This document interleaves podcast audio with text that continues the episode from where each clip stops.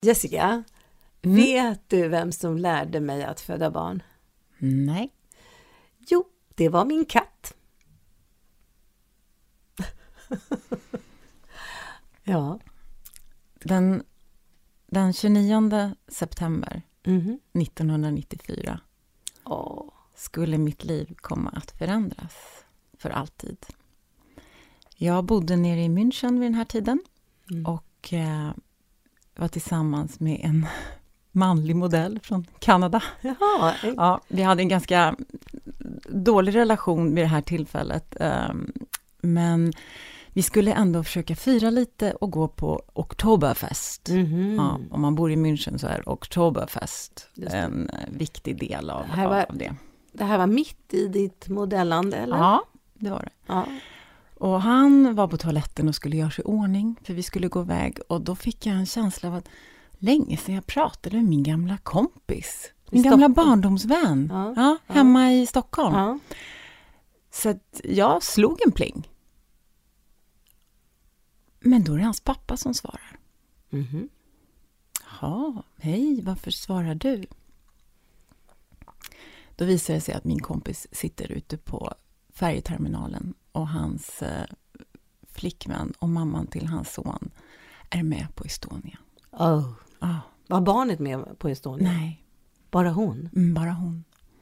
Shit. Ja, så han sitter ute på färjeterminalen och eh, väntar på besked om hon ska komma hem eller inte. Nej, hon kom inte hem. Nej, hon kom inte hem. Nej. Jag visste ju inte ens om det här. Det här är dagen efter. Mm. Estonia förliste ju den 28. Mm. Jag hade inte hört. Det var innan mobiler, innan mm. internet. Så jag visste inte ens om att hon hade, båten hade sjunkit. Konstigt att du ville ringa till ah, honom. Ja. Jag fick bara en sån urge. Mm. Det låter kanske som en ex, liksom mm. efterkonstruktion. Men, men jag kände bara, ja, det var länge sedan jag hade pratat med honom. Mm. Och så här, det som hände var att uh, min kompis uh, vaknar på natten, mm. för han ska göra välling. Mm. De har alltså en, en son som är 11 månader. Oh my god, ja. Och han slår på tvn där på natten och ser att uh, Estonia har förlist. Så det var på tv på en gång? Och då så naturligtvis ringer han ju farfar. Ja. ja och, och, så får farfar vara där och så åker han ut till, till terminalen och, och väntar. Och hon kommer inte hem. Så då eh, försökte jag få kontakt med honom efteråt, men han var ju som i en dimma. Det gick ju inte mm. att få kontakt med honom. Så på julen där mm. så åkte jag hem. Mm. Och vi fick träffas, och jag fick träffa den här lilla pojken. Eh, som då var drygt ett år.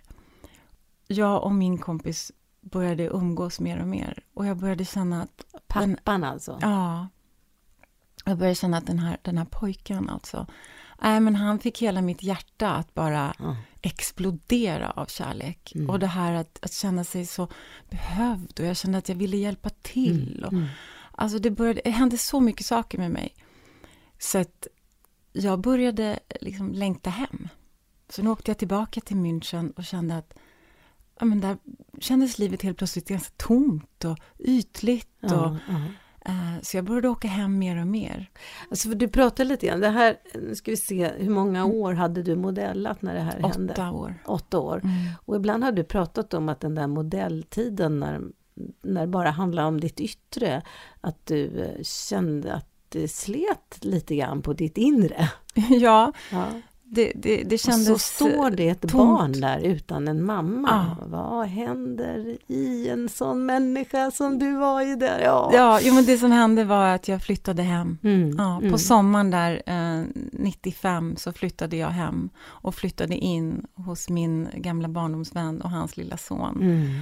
Och eh, jag, det är det så, jag har ju fött tre döttrar, men jag har också fått en, en son oh. uh, under de här otroligt tragiska omständigheterna. Så, så jag hade ju inga barn själv då, Nej. utan han, jag hade aldrig bytt blöja. Nej. Nej, och, och, och jag, um, vi fick hjälpas åt mitt i, i, i sorgen och, Lämnade du modellandet i och med det här då? Nej, jag fortsatte ja. och reste fram och tillbaka. Ja, och, ja. Nej, men jag fortsatte några år mm, till. Mm, mm. Um, det gick ju och, och mm. enkelt att göra mm, det, så att mm, säga. Men jag spenderade också väldigt mycket uh, tid med den här lilla pojken och, och hans pappa, vilket var en fantastisk uh, tid. Och jag säger det än idag, att jag tror inte att jag hade flyttat hem till Sverige om inte um, jag hade om inte Estonia hade sjunkit och jag hade liksom på köpet fått en, en, en, en son. Mm. Han är ju 25 år idag och Ja. liksom, är ju fantastisk. Uh, och, Eh, ja. eh, men jag vet ju att de andra barnen inte är eh, med den pappan. Hur länge hängde ni ihop där? Men vi bodde nog ihop i ungefär fyra år, Ja, tills vi var redo att, gå vidare. Men. Men sonen, relationen till sonen har ju eh, liksom alltid, alltid Den funnits där. Den fortsätter. har du, känner du ansvar för honom? Och, Ja, ja, Det är klart. Ja, det är ja. klart. Det är klart. Det är konstigt det där med födda barn Ja, det är... och födda barn. Ja, Ja, det, det, det är vad man liksom gör det till. Man är inte alltid förberedd och redo. Liksom. Och så har livet ändå en förmåga att kasta på en en massa saker. ja, Och jag var väl inte förberedd, men jag gjorde det bara. ja. ja. Det, det, fanns liksom, det, var inte, det fanns ingen tvekan i mig att inte jag skulle hjälpa till att ta hand om den här lilla Mm, pojken. Nej, det, jag hade gjort likadant. Ja, ja verkligen. Ja, kände sånt ansvar och sån Ja. kärlek. Eh, Mm så att, nej, det, det var... Ja, det är konstigt det där med livet, hur det liksom drabbar en. Det, det, mm, det är bara att ta emot. Det är bara, eh, jag tänker att man, eh, när det händer saker, att man bara är medveten. Jag har ju också fått fodda barn. Eh, och det, det var med, med nuvarande man, han hade med sig också en liten flicka, framförallt en liten historia. Jag tänker på det där med att bejaka. Hon var väldigt liten och jag kommer ihåg att jag slängde henne mellan benen så här, ui, ui, ui. Hon bodde med mig då varannan, varannan vecka, så har vi haft varannan boende. Mm. Och då kommer jag ihåg, eh, Eh, hon kan inte ha varit gammal, kanske tre, alltså fyra år eller någonting sånt. Jag slänger henne mellan benen, ui, ui, ui, och så skrattar vi och kramas och då så säger hon att jag vill att du ska vara min mamma. Eh, och då skulle man ju gärna vilja förneka det här och säga nej, nej, nej, nej, du, har en mamma och, och jag tänker att, att det skulle vara fruktansvärt om hennes mamma hörde att den här lilla flickan ville att jag skulle vara hennes mamma. Men i det här ögonblicket så tänker jag att jag ska ta reda på vad det här barnet menar. Barn kan inte alltid uttrycka sig så himla smart, utan jag tror att hon sa, jag vill att du ska vara som en mamma för mig. Mm. Eh, med att jag ska få känna mig trygg hos dig, och att, att du ska vara självklar i mitt liv. Eh, eh, och att du alltid, och då så sa jag till henne, jag kan ju inte vara din mamma för du har ju en mamma, men vet du vad? Jag ska vara som en mamma för dig. Jag lovar dig det. Jag ska alltid se till att du har det bra och du kan alltid komma till mig och få hjälp och vi ska alltid ha både roligt och tråkigt tillsammans. Just att bejaka det som händer. Att få en, en få dotter och det här med fodda dotter, fodda barn. Ja. Från början var det så här, jag skulle heta plastmamma. Nej. Jo, Ja, såklart. men alltså, jag gillar inte sånt nej, plastaktigt. nej, så jäkla Eller roligt. låtsasmamma och sånt. Ja, ja, ja, det här är roligt för att jag tänkte, ja, ja, hon får säga plastmamma och låtsasmamma och bonusmamma och sådär. Och sen en dag så var det någon som stod och frågade, eh, jaha, och vem är, hon då som står bredvid där? Så här, ja, det är min plastdotter. Och hennes reaktion var obetalbar. Från den dagen så hette jag inte plastmamma. Ingen vill ha plast. Men det är så himla... Nej, va? Nej, jag är ingen plastdotter. Nej, du är min fodda dotter, så får det vara. Ja. När jag var då med min födda son Ja. på öppna förskolan, ja. bland alla de här mammorna, nyblivna mammorna, och de kommer fram och, och pratar med mig och tittar och vad gullig han är och sådär, och hur, hur var din förlossning och sådär. Då kände jag ju att jag måste dra hela den här Estonia-historien Ja, ja, ja, för alla mammor. Jag kände mig så utanför och så konstig. Ibland var jag sugen, du vet, och bara, jo då, det gick så bra så. Alltså jag kände att, måste jag dra upp den här Estonia-katastrofen varenda gång någon kommer och pratar med oss? Och då, och då, och det, de, folk är inte beredda för det, på det svaret heller. Nej. Så många blev ju liksom chockade. Och då hade jag ju ändå berättat det så många gånger och vi hade ju hanterat det här Mm, mm. så, så länge. Så att det, det var också, folk blev ju nästan liksom så här, oj, oh, oj, förlåt att jag frågar. Alltså, oh. För det är så känsligt Ja, att berätta så om sådana här tragiska saker. Ehm, Man kan inte göra en normal... Nej, mamman dog och jag hoppade in. Alltså, det låter ju nej, jättekonstigt. men det går inte. Nej. Och jag har ju, han har ju alltid en, en mamma. Hon Mm. finns ju med i, Mm, i mm, allting. mm, mm. Eh, men till vardags, Mm. varje dag, den som bytte blöjor och lagade mat och natta och bada och, och lekte och så, det var ju jag. Så det var också svårt där vad, vad, vad man ska kalla eh, varandra. Men han, han säger mamma Mm. ibland och Jessica ibland. Och för mig är det fine. Han får säga precis vad han vill, för för mig det inte, handlar inte om det. Nej. För mig handlar det om att, att man älskar varandra Ja. och man vill varandra väl. Mm, och jag ska mm. göra allt jag kan i min Mm, makt för att du mm. ska få ett bra liv och fina minnen, Mm. trots det du har varit med om. Visst. Och någonstans tror jag att de här känslorna, de, de är så starka, de kommer aldrig försvinna och de, de har ju skapats också. Det finns ju liksom f- födda Ja, barn som ja. har jättekomplicerade relationer till sina föräldrar Ja. och det finns födda barn som har komplicerade relationer också.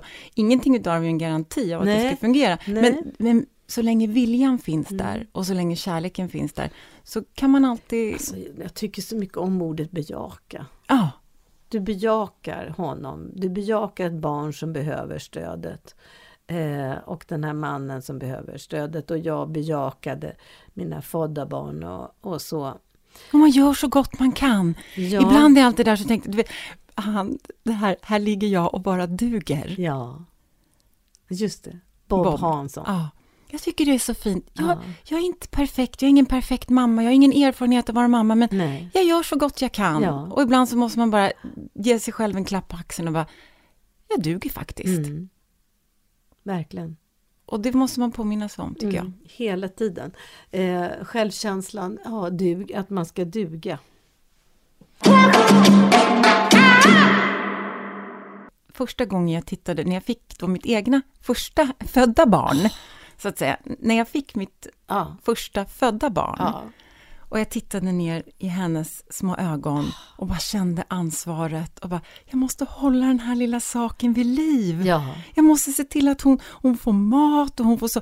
Det ansvaret, det bara slog över mig att jag måste se till att hon överlever. Det var så konstigt att få barn. Det är jättekonstigt. Alltså det var så konstigt. Och, och, och det, det tar en tid. Alltså man, man ligger där och tittar. Ja, fan, fantastiskt, vilken lycka, det är en liten varelse. Men man, man har inga känslor först tyckte jag. Jag hade inga känslor, bara fascination. Och sen, sen kom de starka känslorna när man förstod. Han kan dö. Han kan dö. Och det var då den här starka kraften kom. Jag ska skydda det här barnet till varje pris. Han ska få ett jävla bra liv. Allt vad jag kan ska jag göra. Det, och det får duga med det jag har. Så, ja, jag jäklar. gör så gott jag kan. Ja, jag ska kommer göra så göra- gott jag kan. Ja, verkligen. Och gör jag lite fel får vi prata om det, kanske jag kan rätta till det. Men nu jävlar! Det var så... Men att han skulle ha mat hela tiden, det kom som en chock. Ja, och, Va? Ska han ha mat hela tiden? ja, men, och, och sen att de, att de är så, så små och ömtåliga och, och man, man tror så fort de somnar och, och att de andas och den här enorma oron att det ska hända någonting hela tiden. Att, att lära sig förhålla sig till den där oron. Ja, jag, jag var så fascinerad över också att Eh, man har ju sett bilder på när barn föds, man har sett filmer och man ser människor gå omkring med de där. Och de små liven pratar man om. Åh, de, de gör en, och föräldrar som säger mormor, morfar, ah, det där är värt att leva. Och jag kommer ihåg att jag tänkte, det finns ingen gång i mitt liv som det har handlat om död så jäkla mycket. Men för det är ju det värsta som kan hända i det. Ja, det är bara död, död, död, död, död hela tiden. De kan dö i struplocksinflammation och de kan, Ja. dö, de kan dö i alla möjliga konstiga Plötslig sjukdomar. spädbarnsdöd. Ja, Och, det handlar ju bara om döden hela tiden i början. nej, men att förhålla sig till det där ansvaret Ja, och utan att gå sönder. eh, och bara känna att ja, jag, jag, jag får göra så gott jag kan. Ja, det, ja. Jag vet inte. ehm, jag kommer ihåg också när jag fick barnbarnet. Eh, det var också, då hade jag ju lärt mig att det där som ligger där, det kommer från mig. Det är liksom som har pluppat ut ur min kropp och gjorts och skapats i min kropp. Det är någonting som jag och min man tillsammans gjorde och så kommer det ut en liten varelse. Och sen första gången jag höll i barnbarnet så var jag så här, uh -uh. Det här är någonting som kommer från mig men i, i andra hand. Det var lite lustigt, oh. det var en ny känsla. Jag, här ligger du ja, jag, jag har med dig att göra men ändå inte har med dig att göra. Oh. För där blev det en balansgång att man får ju inte tränga sig på för mycket. Nej. Man kände så starkt, det var samma starka känsla som först man fick sitt barn, jag fick mitt barn, så låg barnbarnet där. Ja just det, du är ju en del av mig, äh, äh, äh, backa här nu. Det och var... hitta nya sätt att ha relationer med barn, att ja. vara, vara farmor. Ja, och... ja, det var, nära, det var nära men ändå inte nära. Och Nej. så ha respekten då för att det kanske finns föräldrar som vill vara nära. inte gå in och ta över med all din erfarenhet och kunskap. Ja, och... ja, ja. Det, det, är en svår balansgång tycker jag. Vad är den största skillnaden mellan att vara mamma och farmor? Um, uh, uh, uh, jag vet inte, jag har ju alltid varit sån här flockmänniska. Jag har haft alltid många barn som jag drivit i flock sådär. När, sonen var liten såg jag alltid att han hade kompisar och så drev jag det i flock och när barnbarnen så driver jag dem med flock också. sådär, mm. att de ska vara flera. Eh, ja, alltså det är... Eh, ja, jag kanske... Eh, jag håller käft när föräldrarna är där. Eller de säger nog att jag inte gör det. Ja, men jag försöker nog. Nej men gud, vad är skillnaden? Ja... Nej men det är ju för... Nej, men känner man samma ansvar? Ja. ja. Det gör jag. Ja. Och det är nästan plågsamt. Mm. Därför när det gäller ens egen barn kan man handla efter sina känslor. När det gäller barnbarnen kan man inte handla efter sina känslor. Måste få buy-in från föräldrarna såklart. Ja, ja, ja. Så man har fler vuxna att förhålla sig till. Ja, och allting går att tolkas från flera håll. Så jag kan inte ha tolkningsföreträde för jag har ju inte sett allting i mina barnbarns liv. Så att jag får inte tolka hur de har det, vad de gör och vad de inte ska göra därför att jag ser inte allting som föräldrarna gör. Mm. Men det är lika starka känslor. Jag kan göra jättekonstigt. Ett barnbarn som hade bara en strumpa på sig. Jag blir tokig. Det gör så ont i min fot när han bara har en strumpa. Mina barn utan strumpor hela tiden. Ja, men bara det jämnt. Det får inte vara en strumpa, det blir ojämnt. Och då vet jag att barnbarnens mamma säger, ja hon är ju så konstig farmor, bäst ni sätter på er båda strumporna. Mina barn brukar säga att det är bäst jag tar på mig jackan för mamma fryser. Ja. Ja, det också. De har lärt sig det nu, ja. att jag alltid fryser och, och, är på dem att de ska ha kläder på sig, ja. så då sätter de på sig för min skull. Ja, jag tycker det är lite gulligt. Jag satte på alldeles för mycket kläder på mitt barn. Det har jag fått höra i 43 år. Kommer du ihåg när du satte på mig så mycket kläder så att jag inte kunde åka skidorna? ja, det går inte att komma undan. Nej, nej, och sen när jag skulle föda barn då, mm. så sa jag att det var katten som lärde mig att föda barn. Det var så här när jag var eh, typ, jag måste, gick i mellanstadiet, jag tror 11, 10-11 år. Så hade, hade jag fått en, en katt som av någon anledning på våren smet ut och gömdes i skogen. Jag hittade henne till slut i alla fall. Och så tog jag hem henne. Och den jäveln blev tjockare och tjockare efter det där ögonblicket. Mm. Alltså de är otroliga katter på att smita ut. Apropå det man ska kastrera katter. De smiter ut. Det var helt galet. Hon visste vad hon skulle göra. Eh, och i alla fall, så, och en, eh, då hade hon en kattlåda nedanför min säng. Sen vaknade jag en natt att det är alldeles blött i sängen. Och jag sätter ner handen i kattlådan där och så känner jag, det är blött. Och tittar ner. Alltså då håller hon på och föder.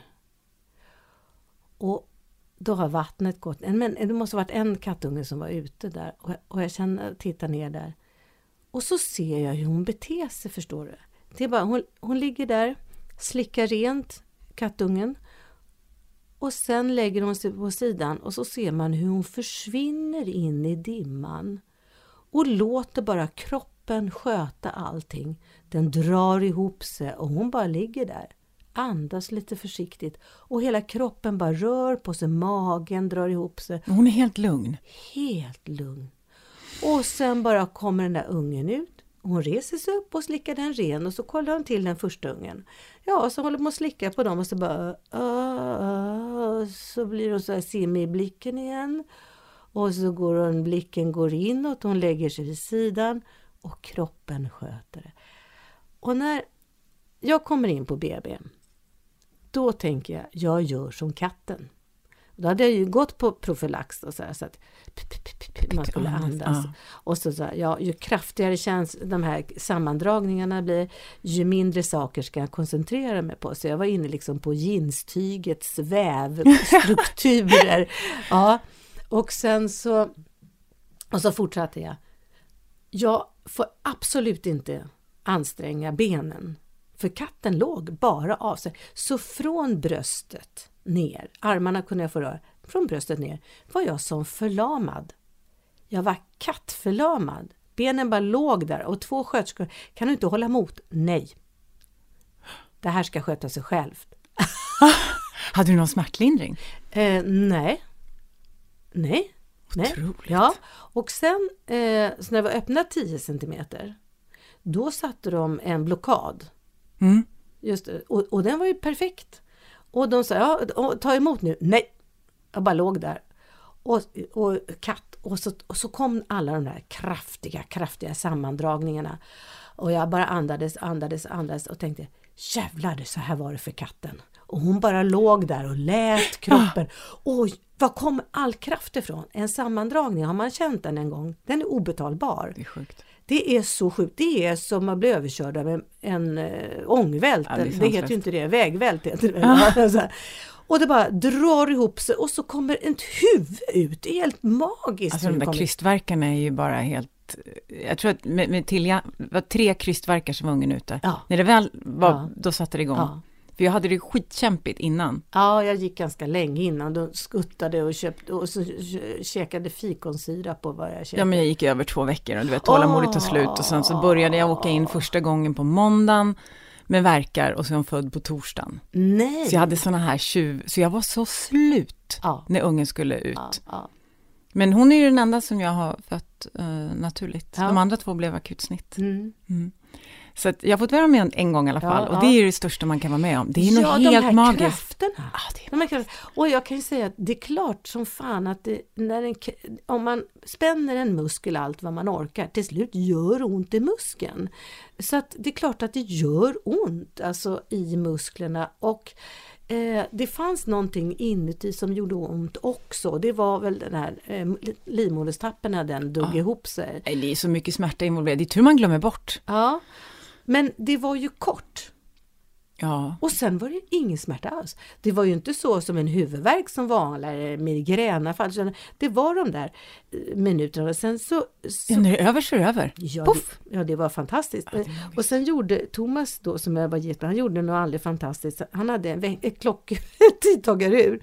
Ja. Så när jag började då, p- p- p- så här, då satte han igång klockan. Och så väntade han, det finns det är viss sekunder som en sammandragning går. När det var på mitten, då ställde han sig upp och så masserade han min rygg. Då visste jag, nu vänder det. Hade han börjat med att massera från början så hade den där toppen inte varit så mycket eh, hjälp. Det står där och kladdar, man blir förba- förbannad. Jag körde hur mycket lustgas som helst. Min sista förlossning, då det. överdoserade jag Ja. på lustgas. Så jag var som en båge. Och min man bara ringde på, på läkaren och allting. Jag, kom, jag var helt, helt borta. Ja. Helt borta. Ja, jag började aldrig med den. Att Jag älskade lustgasen. Ja, jag skulle vilja prova det någon gång. På det- nästa avsnitt. Party! Party! Vi kan prova det. Jag vet inte hur jag blev. Ja, men så det, det var avgörande där ögonblicket när jag såg katten bara låta kroppen sköta förlossningen. Fantastiskt. Man kan köpa sådana här små lustgasampuller. Vi kanske ska, nästa avsnitt kanske vi ska Som man har prova. i, i, i I viss... sifoner. Ja, Det gör vi nästa avsnitt. ja, det gör jag. jag vill prova lustgas, absolut. Bejaka ögonblicket. Bejaka bara. Ja, men bra tips då, att föda barn som en katt. Ja, jag tror, jag tror att eh, jag tror att det skulle vara jättenyttigt att se djur föda sina barn. Um, För de måste ju oftast klara sig helt själva. Ja, men visst. Naturen har ju gjort det så. Ja, ja. Och, och, det är klart, jag var ju väldigt ung. Jag var ju bara 19 år när jag fick, när jag fick föda barn. Så det är klart att det var väl mjukt och smidigt. Och, så det var lätt. Det var jättestor skillnad för mig eh, när jag födde mitt första barn. Ja. Då var jag ju 32. Och när jag födde mina andra två så var jag ju 40 och 41. Ja. Och jag fick en helt annan behandling. Jaha, nej menar du? Ja, Utav, av ja när, när jag var personalen. gravid då när jag var 40, ja. då fick jag titta på en sån här film om, om det händer någonting Aha. med barnet. Om det får någon sjukdom och, och, så att man fick diskutera vad ska ni göra då? Mm. Så att man hade liksom en plan för om det skulle vara något fel på barnet. Mm. En sån film fick vi sitta och titta på. Allt som kunde gå fel typ. Ja, det var hemskt, jag var helt förstörd efter det. Ja. Att redan då som ny, liksom nygravid och var helt, och ja. det här var ju första gången för min min man, ja, han hade ju det. inget barn sen innan. Så Nej. han bara, vad är det här? Varför ska vi titta på den här? Så jag har aldrig gjort så här förut. ja. ja, men då vill de att, att då, för det är så hög, hög risk då tydligen mm. när man är över 40, så att man ska vara liksom lite mentalt beredd på vad, vad man, mm. om man vill behålla barnet fast det är något fel, och, och i så fall vilka fel man kan liksom acceptera. Och, eller om man eh, bestämmer sig för att avsluta oh, graviditeten. Det, är verkligen... det var ingen rolig början alltså. Nej, Alltså, det är på gott och ont det där med att man ska vara så himla beredd istället för bejaka livet. Alltså det är jäkligt kniviga frågor det där. Ja, naturligtvis gjorde vi alla prover. Jag ville ju ändå mm. veta så att mm. säga. Och som tur var nu så var det inget fel. Nej. Så vi han aldrig komma till det moraliska dilemmat. Mm. Vad hade hänt mm. om det hade varit något fel? Så jag är mm. så glad och tacksam för det varenda dag. Ja. Att, att det gick bra. Ja. Uh, och men under själva då som sagt eh, förlossningen också så tog de ju inga risker alls. Jag Nej, fick ju snitt på, det, på båda det, två. Och min mellantjej, då blev det så riktigt akut alltså. Det var inte många mm. minuter från de sa, från de liksom drog alla, de ja. drar ju alla ja. Eh, dropp och, och, och, allting sånt och så får man rullas iväg in i hissen, upp till operation. Ja. Man får en sån eh, bedövning, ryggmärgsbedövning och sen liksom skär dem upp och sen så känner man ju, det trodde inte jag, jag trodde inte man skulle känna någonting, nej, men man känner ju ja. Man är inte så pass bedövad att man inte har känsla, man känner ingen smärta. Nej. Men du känner att det är att någon de som gräver något. i magen på dig. Och sen så säger det bara så här, Liksom att det bara, det känns att de lyfter ur någonting i magen. Ja, för de ska ju göra små snitt, för barnen, ja, för barnen ska, ska uppleva stress. Ja, Barnet ska uppleva stress, annars så kan de dö. Ah. Så de måste få igång stresshormonerna för att överleva själva förlossningen. Också. Det var helt fantastiskt. Och ja. all personal på BB, alltså det var som att komma in i en mekanisk verkstad. Alla visste exakt vad de skulle göra. Det var som ett löpande band. Det var bara doft, doft, doft, doft, doft, doft. Här är snabbt. Nej, men de var så proffsiga så att det var helt, det var helt magiskt. Häftigt. Ja. Det, var... det är häftigt att vara med om det också. Ja, det var det ju. Och, och mm. min man fick ju, var ju den som fick hålla i barnet ja. först. Och, och, se. Annars, första gången jag födde naturlig väg, så att ja. säga, eller vaginalt ja, är det ju, det andra är naturligt också, ja, när jag födde vaginalt, då får man ju upp barnet på, på bröstet på en gång. Men eh, när man får snitt så ska det ju sys och det ska fixas och trixas och så. Eh, men sen kom hon jag var ju ganska ung då eh, när jag fick mitt första barn och eh, eh jag var gift med Thomas där.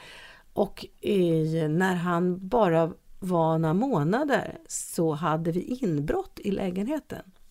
Vi kom hem på kvällen och då var en sö ruta sönder insparkad och då hade det varit folk som hade gått omkring i lägenheten. Shit vad läskigt! Ja, Eh, och det där blev lite traumatiskt för mig så jag blev jätterädd och var alltid, eh, jag ville aldrig vara ensam.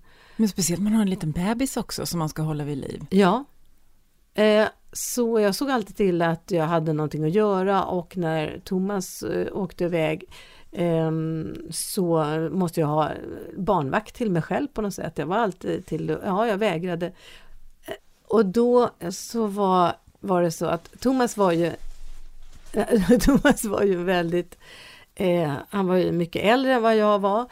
Eh, han var eh, initierad, han, eh, han var påläst när det gäller psykoanalys och, och sådana där saker.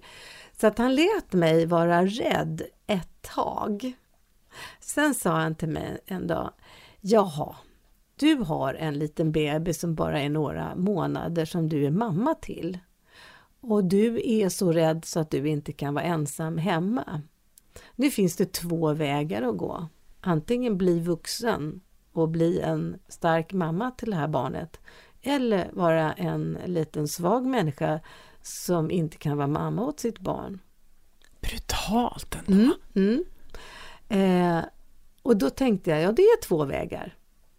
Det är verkligen två vägar jag har att välja. Och då gjorde jag så här. Jag hade läst på om det här med eh, 1975 var det här redan då visste man att, att man är rädd för rädslan.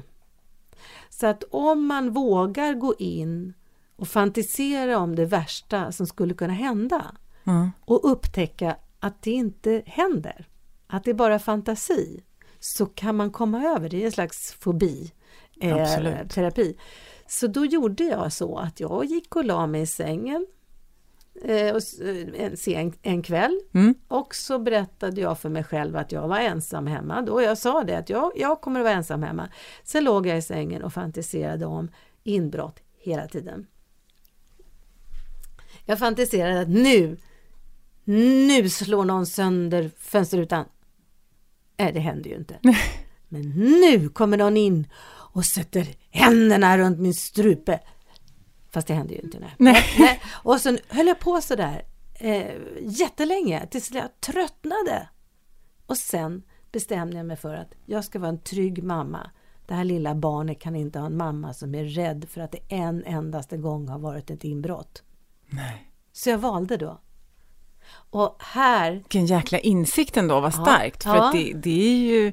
Men det, det, handlar om att lära sig förhålla sig till, mm. till den där ansvaret och den där rädslan. Ja. ja, och han menade ju då, han pekade ju på att det handlar inte om att det var synd om mig, jag fick vara rädd, han tyckte synd om mig och, och han eh, hjälpte mig och såg till att jag slapp vara ensam och så. Men sen var det det där håller det här i evigheter, nu måste det gå över. Mm. Han hade haft empati och känt empati för att jag var rädd efter inbrottet, men sen fick det vara bra, det går till en viss... Och han gjorde det som att det var bara en grej att lösa. Ja. Det är bara att välja, lös det. Och du var ju tvungen att lösa det för dig själv. Ja. Han kunde ju inte lösa det åt dig. Nej. Nej. Och jag, jag, skulle vara, jag skulle visa mitt barn respekt. Eh, och det hjälpte han mig med. Och här kommer en signaturmelodi som från min första man. Hur, hur, mycket äldre än dig var han? Han var 36 år äldre, så att det var eh, väldigt många år äldre. Mm. Eh, det var fantastiskt att få leva med en sån eh, äldre man som också som aldrig blev eh, förstockad eller, eller eh, gammal eller konserverad på något sätt, utan han var... Han var fortsatt nyfiken? Nyfiken hela tiden. Eh, eh, varför vi inte fortsatte vara gifta var ju för att han hade gjort så mycket. Och jag ville göra det där som han redan hade gjort. Jag kommer ihåg när jag köpte en, en termos. Det här är också sånt där ögonblick när jag förstår att någon gång i livet kommer man tröttna på saker och ting. Jag hade köpt en sån jag önskar mig en sån här fin termos, en sån där som kostar många pengar, mm. en designtermos. Och när jag kom hem med den då, så bara suckade han, jaha, det är, din, det är min andra i livet. Du var liksom andra upp på stegen hela tiden. Han hade redan varit uppe ja, på utkikstornet ja, på något sätt. Ja, han hade gjort alla de här, ja, köpt alla de här sakerna som man skulle köpa. Så det, men det var väldigt roligt, för han kunde så mycket också. Och just om terapi, psykoanalysen kunde han mycket. Jag själv hade gått i psykoanalys.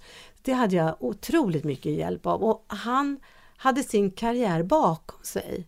Så han stöttade ju mig hela tiden i min karriär. Det var inte så att han hjälpte mig skriva manus eller något, utan han stöttade mig och tyckte det var roligt att se mina framgångar. Ja. Medan jag såg ju andra kvinnor som hade män som var mitt uppe i karriären och då hade inte kvinnorna, de fick ingen plats. Nej. Nej. Så det, det var, jag hade en jävla tur som eh, Att han stöttade dig och, ja. och lät dig, den brukar säga, låt henne hålla på. Ja. Det är ett sånt bra tips tycker jag till alla.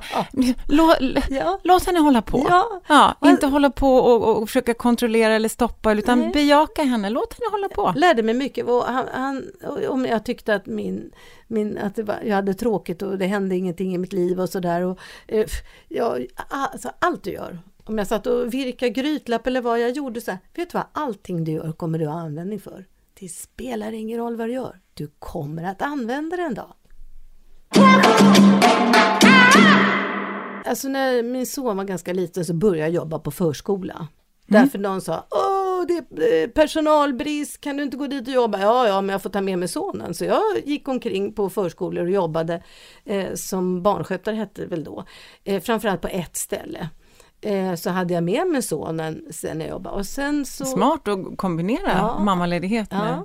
Och sen så var det så att jag jobbade ju samtidigt med teater. Jag skulle ju komma till Hollywood, jag skulle, det var ju min stora dröm. Ja. ja, jag skulle hålla på med teater, men så fick jag ju barn. Och det vill jag också ha, så att jag tänkte, jag vet hur man gör barn, så jag gör det nu och sen får jag se vad jag gör med Hollywood. ja. ja. Eh, så jag hade hållit på jag hade startat en teater själv också. Jag hade ramlat in på dockteatervärlden. Eh, genom att jag jobbade på förskola så hade jag varit på ett bibliotek och vi skulle titta på en dockteater där och den som skulle spela dockteater kom inte. Men det stod en massa pappfigurer där som användes i en teater så att jag började ju spela. Jag hade ju varit ute på, i Folkets hus och parker och jobbat med Grodan Boll och Kalle Stropp. Jag hade varit utklädd till Kalle Stropp och skuttat omkring i de flesta folkparker. Klart du hade! Ja, så att, så att jag visste ju liksom eh, eh, mycket pinsamma historier från Folkets hus och parker. Ja, eh, vad jag har gjort där. Men det tar vi en annan gång. Ja ja, nästa avsnitt. Ja, Med lustgasen. Ja, ja, ja, ja, ja, ja. I alla fall så, eh, så, så bestämde jag mig där 1980 någonting, när jag ska ha en teater. Banne mig, jag ska ha en teater. Så jag hade startat en teater eh, med Thomas hjälp. Jag hade byggt en teater tillsammans på Bergsundsgatan och sen hade vi flyttat till Sankt Eriksplan och jag spelade. Eh, och sen så var det så att jag eh, såg, en, alltså nu är det så här att ja, det är det här Torsten Flink igen. Ja, det är faktiskt. Han har haft många fingrar med i spelet. Ja, ja eller näsan lagt i blöt. det, var så, det var så, eftersom Torsten när han var liten var Eh, på teaterskolan, Thomas som är en teaterskola där, så, så hade han ju kommit in på TV. Han hade gjort en serie som var på TV. Och då, eh, undrar när, vilket år det här Ja men det är 86, 86 är det. Eh, och han, eh, på hösten 86, han hade gjort någonting på TV och då så, eh, så eh, var jag nyfiken på hur det hade gått för honom och pratade med en av tjejerna i stallet. Eh, har du sett någon recension i Svenska Dagbladet? För jag har inte sett någon i DN. Nej, jo, jag har den hemma, säger den här tjejen. ah, då följer jag med den tjejen hem efter ridningen, slår upp tidningen för att leta efter recensionen hur det har gått för Torsten Flink och ser en annons. De söker en programledare. SVT söker en programledare. Så jag bara, vad är det för annons? Jag, jag struntar i recensionen. vad är det för annons? Jag känner bara, det här ska jag ha.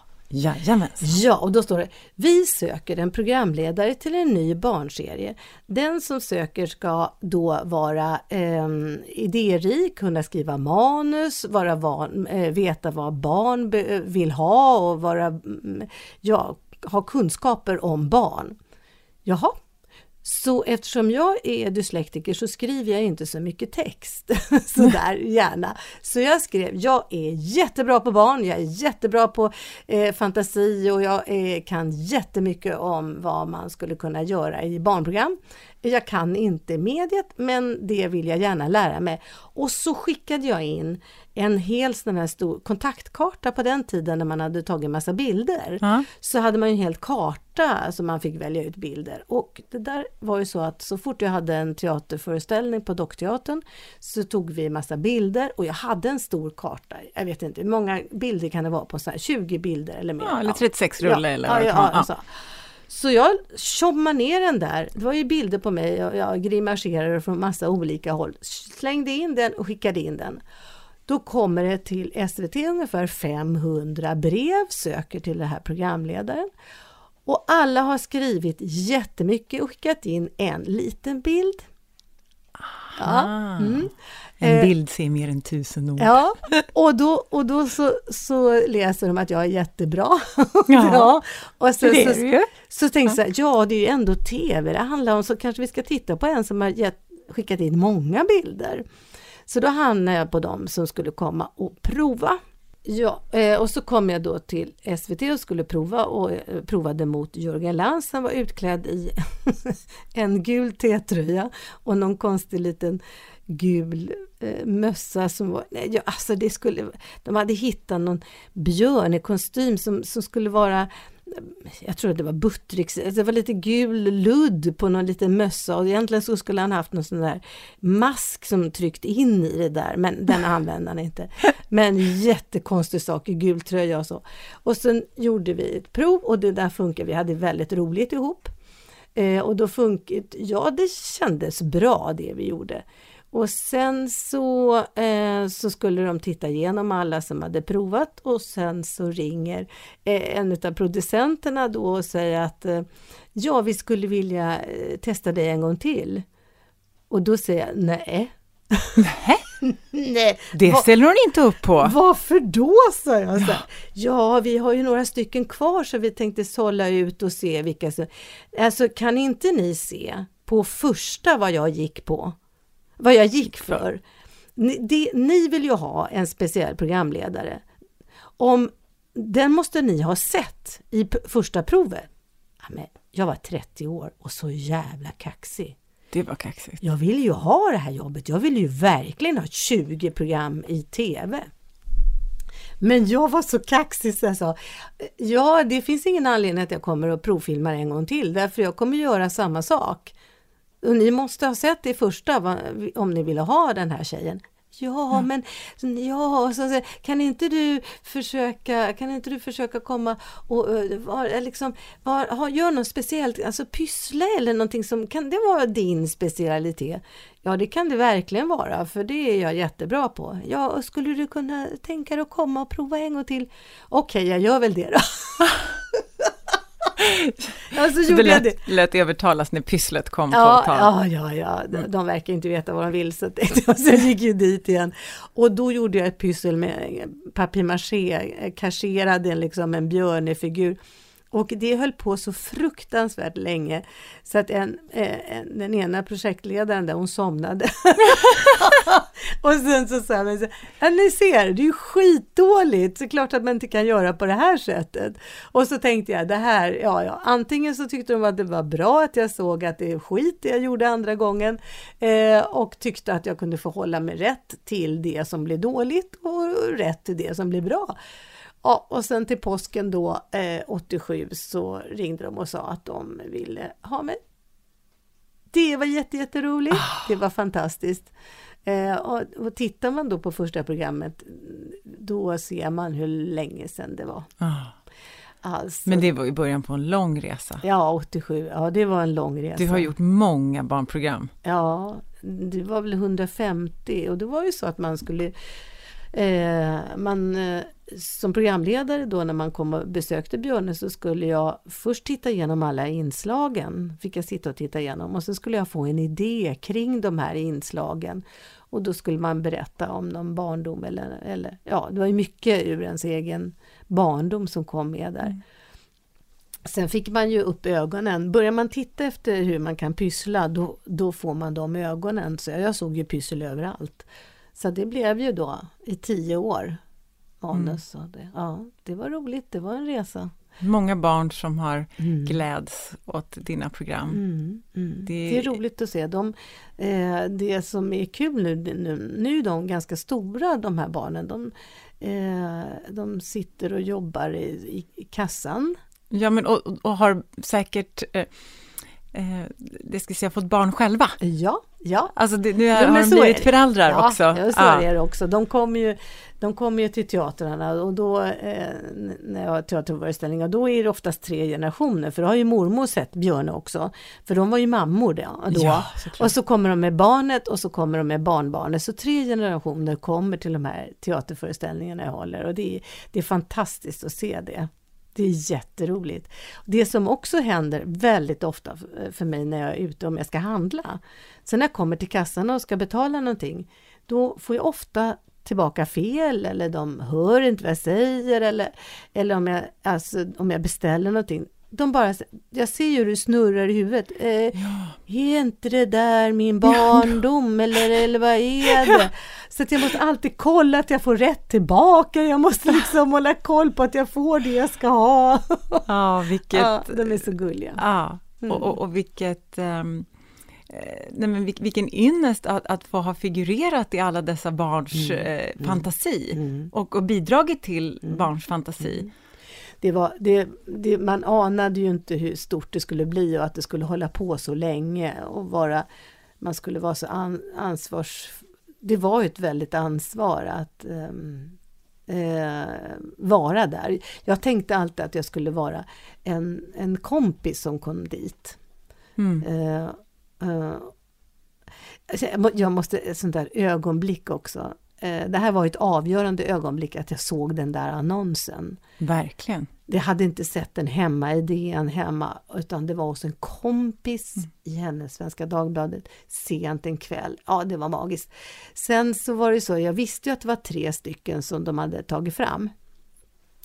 Uh, det var en kille till och sen så var det en tjej till. Eh, och då så skulle vi träffas eh, på SVT för första gången då. Mm. Eh, inför sommaren så skulle vi få träffas. Eh, och, eh, och då sitter jag på bussen till eh, TV-huset. Så jag sitter där i bussen och tänker, någon mer kan vara här som har blivit mer ja, nej, alltså, nej, inte den. Och så, så kommer en kille och så tänker ja, en skallig kille, alldeles rakad var han på huvudet. Ja, i alla fall inte den där, tänkte jag. och så kom jag fram, det var han, det var Robert Gustafsson. Utan hår då? Ja. Och jag som hade vid provfilmningen haft ett eh, naturligt hårsvall, bara lite eh, naturliga lockar. Eh, och Robert han hade haft lite halvlångt killigt hår. Han går och skalar sig, helt skallig va. Och vet du vad jag gör inför det här? Jag går och permanentar mig med ett krull, afrokrull. Så när vi kommer till den här, den här dagen kommer till producenterna, det här måste vara deras avgörande ögonblick i livet, så kommer jag in med hår som står på ändan och han har inget hår på huvudet. Alltså det blir ju så... Vilka är det här? De har nog lärt sig skriva kontrakt efter det, ja, eh, tror jag, ja, det. på lite tydligare sätt kanske. Och sen så var det ju Marie Örn då också som var med mm. från början. Det var vi tre som startade det hela. Och sen hängde jag med ända to the bitter end 98. Ah. Eh, jag hade väl något lite på gång 99 också. Och då var jag så himla glad. Juhu, vad härligt! Du! Nu är det slut tycker jag. Nu har jag gjort mitt. Nu har jag varit med. Nu vill jag göra något annat. Ja, du var färdig. När man eh, bejakar en annan människa, ett fått, fött barn, fått barn eller en, en partner, så var det någon som sa, det är ett vi. Ett vi är också som ett barn man måste ta hand om. Det tycker jag var så fint. Ja. Så även om man inte är förberedd eller inte, så kommer livet att drabba en. Ja. Hör av er till oss. Ja. Vi är så glada att ni lyssnar på oss. Hör av er till oss på Facebook, ja. Monkeypodden, eller på Instagram. Vi lovar att svara. Ja.